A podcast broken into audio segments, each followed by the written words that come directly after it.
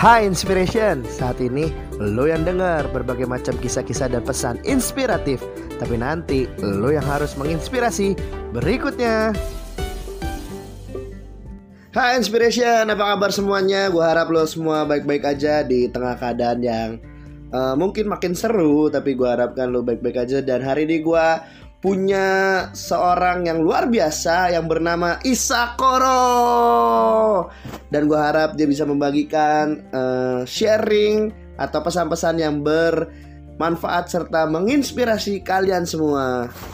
Silakan didengar. Halo teman-teman semua, sahabat-sahabat podcast inspirasi. Perkenalkan nama gue Isakoro dan thank you so much for having me. It's an senang banget bisa um, punya dapat kesempatan untuk berbagi kisah inspirasi berbagi cerita dan juga berbagi hal-hal yang Tuhan taruh di dalam kehidupan gue hari-hari ini. Dan hari ini tuh um, teman-teman hari ini Tuhan hari ini teman-teman gue bakal bagian satu hal yang um, sedang ada di dalam diri gue dan pengen juga gue um, bagikan buat teman-teman semua yaitu tentang sukacita. Perihal sukacita ini hal yang rumit dan menurut gue hari-hari ini kayak bukan hal yang apa ya kayak hangat diperbincangkan atau bukan hal yang lagi populer lah hari-hari ini karena justru yang sangat populer yang semua orang lagi miliki dan semua orang bicarakan adalah rasa takut dan hari ini gue mau membahas perihal sukacita ini dengan ya tentunya dengan dasar Alkitabiah ya. Dan sebelum mulai gue mau katakan bahwa sukacita atau bersukacita itu lebih dari sekedar tidak takut. Kalau selama ini kita berkata, "Weh, jangan takut dong. Weh, jangan um, panik dong. Weh, jangan sedih dong. Oh, jangan ini dong dan segala macam." Itu belum cukup dan hari ini gue mau katakan bahwa yang kita butuhkan adalah sukacita. Kenapa demikian? Karena memang Alkitab mengajarkan demikian dan itulah yang merupakan bagian dari salah satu buah-buah roh yang ada di dalam Alkitab. Dengan kata lain, kalau dikatakan buah roh, buah-buah roh kudus, berarti ini adalah suatu buah atau salah satu hal yang jika kita lakukan, kita menunjukkan karya Roh Kudus atau kehadiran Roh Kudus dalam diri kita.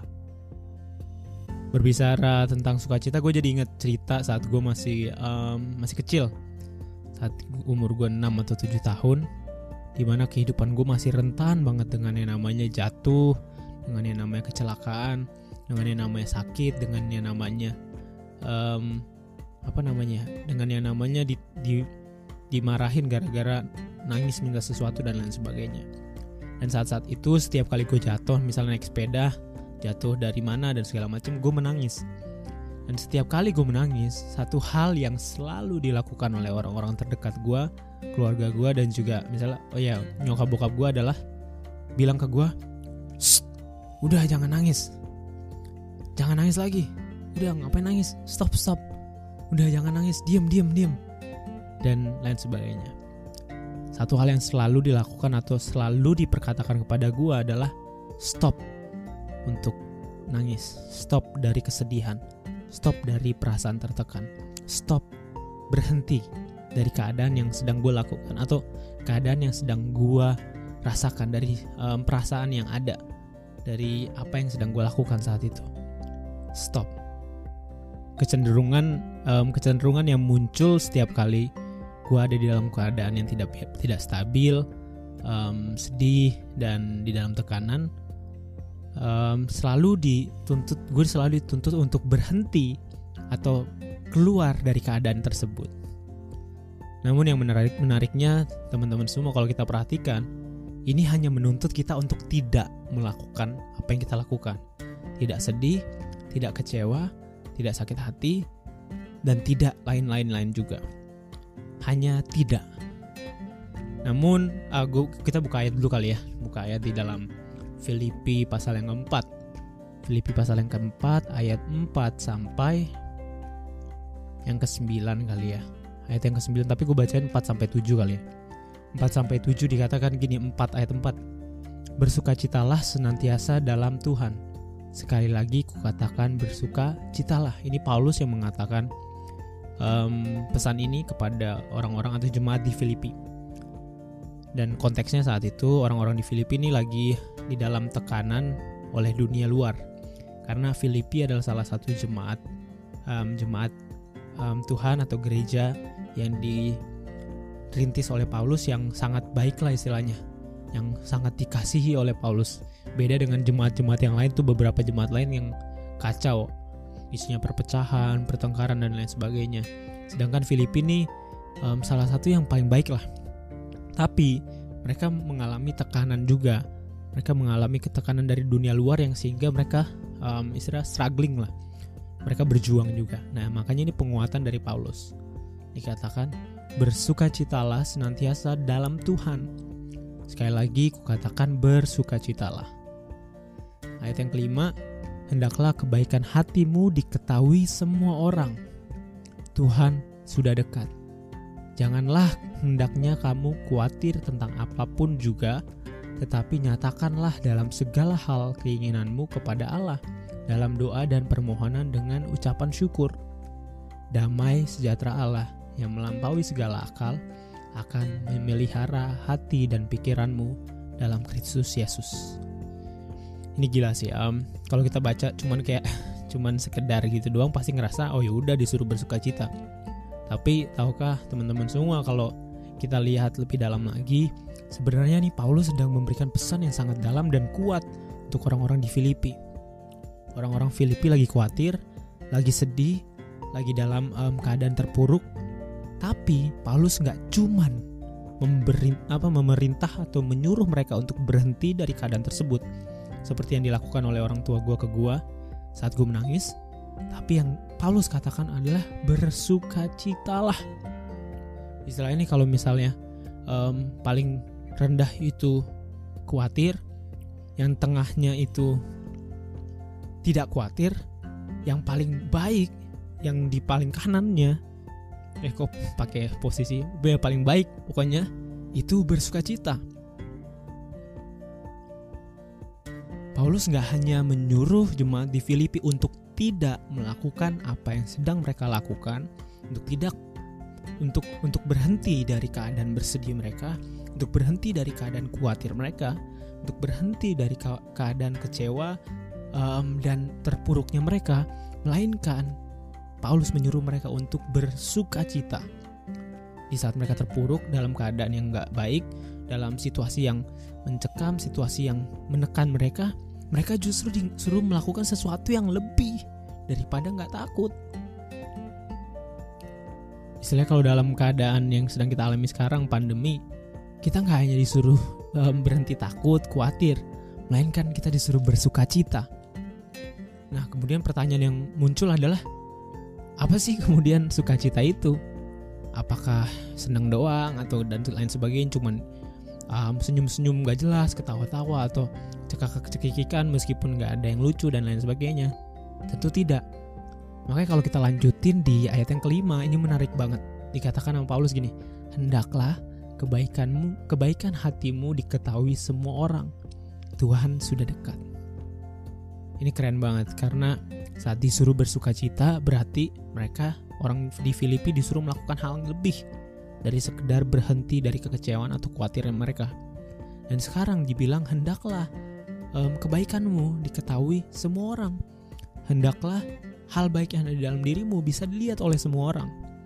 Di keadaan khawatir, di saat hal yang seharusnya paling masuk akal untuk dilakukan adalah takut dan cemas, di saat ada banyak masalah, kan yang paling wajar kita um, melakukan adalah takut lah ya kalau ada masalah atau stres. Tapi Paulus bukan hanya memerintah mereka untuk berhenti dari takut. Dengan kata lain, kita nggak cuma dipanggil untuk berhenti dari ketakutan kita, tapi untuk bersuka cita. Dan lebih dari itu lagi, untuk menunjukkan kebaikan kita kepada orang lain. Dengan kata lain, saat kita bersuka cita, seharusnya, dan ini wajib nih, karena sering kali kita menyalahartikan sukacita dengan um, sesuatu yang sifatnya egoistis. Saya saya nggak lagi membedakan satu terminologi misalnya oh sukacita sama um, seneng itu beda artinya. Happy sama joy itu artinya beda. Enggak saya nggak lagi membedakan arti kata dan lain sebagainya. Tapi saya mau bilang bahwa sering kali kita menyalahartikan sukacita hanya um, karena kita berpikir sukacita itu untuk sesuatu yang menyenangkan hati kita sendiri. Misalnya oh gue bersuka cita kalau misalnya gue dapetin ini. Gue bersuka cita kalau gue dapet itu. Gue bersuka cita kalau misalnya gue punya masker satu um, tr satu tronton. Gue punya indomie satu lemari. Gue punya semua segala sesuatu yang bisa gue bertahan selama pandemi um, covid-19 ini.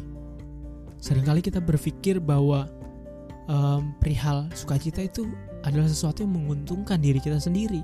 Bahkan nggak jarang orang demi menguntungkan dirinya sendiri demi bikin dirinya seneng rela menyakiti orang lain rela menghancurkan orang lain rela nyingkirin orang lain.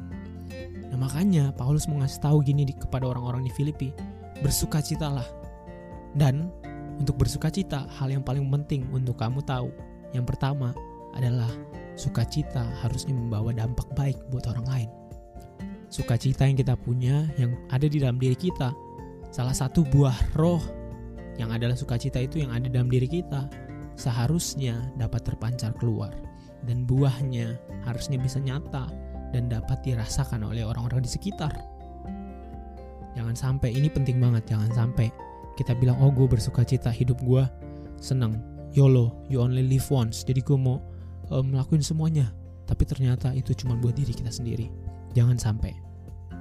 Dan yang kedua nih, perihal sukacita di ayat yang ke um, ayat yang keenam teman-teman dibilang janganlah hendaklah hendaknya kamu khawatir tentang apa pun juga nah kalau tadi gue bilang bahwa um, Paulus nggak hanya berbicara tentang berhenti dari kekhawatiran itu benar banget makanya dibilang di sini janganlah hendaknya kamu khawatir tentang apa pun juga.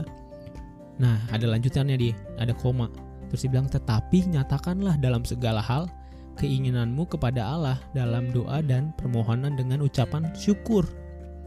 Jangan sampai kita cuma nggak khawatir, nggak takut, ngerasa berani, ngerasa punya kemampuan dan lain sebagainya, ngerasa bahwa oh gue bakal survive dari COVID-19 ini, tapi nggak berbuat apa-apa, tapi cuma um, mengandalkan diri sendiri, tapi nggak bergantung sama Tuhan, itu salah. Karena bagi, karena gue percaya banget bahwa lawan dari takut itu bukan berani. Lawan dari rasa takut itu bukan keberanian, melainkan iman. Kalau kita bilang, wah gue nggak takut, bukan berarti gue berani. Karena orang Kristen nggak cuman butuh kerap keberanian. Karena takut, rasa takut muncul karena data, karena fakta yang buruk tentang kehidupan, tentang situasi yang ada di sekitar kita, makanya kita takut. Sedangkan Iman gak bergerak karena fakta dan data. Iman bergerak karena kepercayaan kita kepada Tuhan, Sang Pencipta, yang punya kuasa atas segala sesuatu. Makanya dikatakan janganlah khawatir atas apa pun juga. Tetapi di dalam segala sesuatu, nyatakanlah dalam segala hal keinginanmu kepada Allah. Dalam doa dan permohonan dengan ucapan syukur. Jangan khawatir, itu penting, poin pertama. Tapi lanjutannya adalah serahkanlah segala sesuatu kepada Tuhan. Lu boleh nggak khawatir, tapi nggak berhenti di situ. Harusnya ke kekhawatiran lu, keberanian lu, itu setelahnya diserahkan kepada Tuhan. Karena kalau kita cuma berhenti di nggak khawatir, kita jadi orang yang ngerasa kuat, jadi indie, independen, jadi orang yang um, akhirnya ngerasa nggak butuh bantuan Tuhan dan akhirnya kita bakal terjerumus sendiri kita bakal mati sendiri kita bakal pada akhirnya kita menyadari bahwa kita tidak mampu. Banyak orang kalau yang di tengah COVID-19 dan pandemi yang terjadi saat ini ngerasa bodoh amat karena ngerasa oh gue masih muda nggak bakal sakit nongkrong aja bodoh amat. Tiba-tiba pas sudah kena nyeselnya minta ampun. Makanya kita nggak cukup um, jangan khawatir doang. Harus bersamaan dengan nggak khawatir kita harus serahin semuanya ke Tuhan. Karena di dalam Tuhan kita bakalan nemuin yang namanya kebijaksanaan, nemuin yang namanya hikmat untuk melakukan sesuatu secara tepat dan benar. Makanya di ayat yang ketujuh ini ayat yang saling gue bakal tutup di ayat yang ketujuh sih. Filipi 4 ayat 7 ini ayat-ayat yang sering kita dengar di akhir um, ibadah atau di pengutusan berkat. Bilang damai sejahtera Allah yang melampaui segala akal akan memelihara hati dan pikiranmu dalam Kristus Yesus. Kalau tadi udah diperintahin untuk bersuka cita, dan kita tahu kalau bersuka cita itu bukan hanya sesuatu yang menguntungkan dan menyenangkan diri sendiri, melainkan sesuatu yang juga harus bisa dirasakan oleh orang lain. Dan yang kedua, bersuka cita itu bukan hanya berhenti dari kekhawatiran, tetapi bersamaan dengan itu kita menyerahkan semuanya kepada Tuhan. Dan kalau kita udah ngelakuin semua hal itu, teman-teman, yang pasti akan diberikan kepada kita adalah damai sejahteranya Tuhan.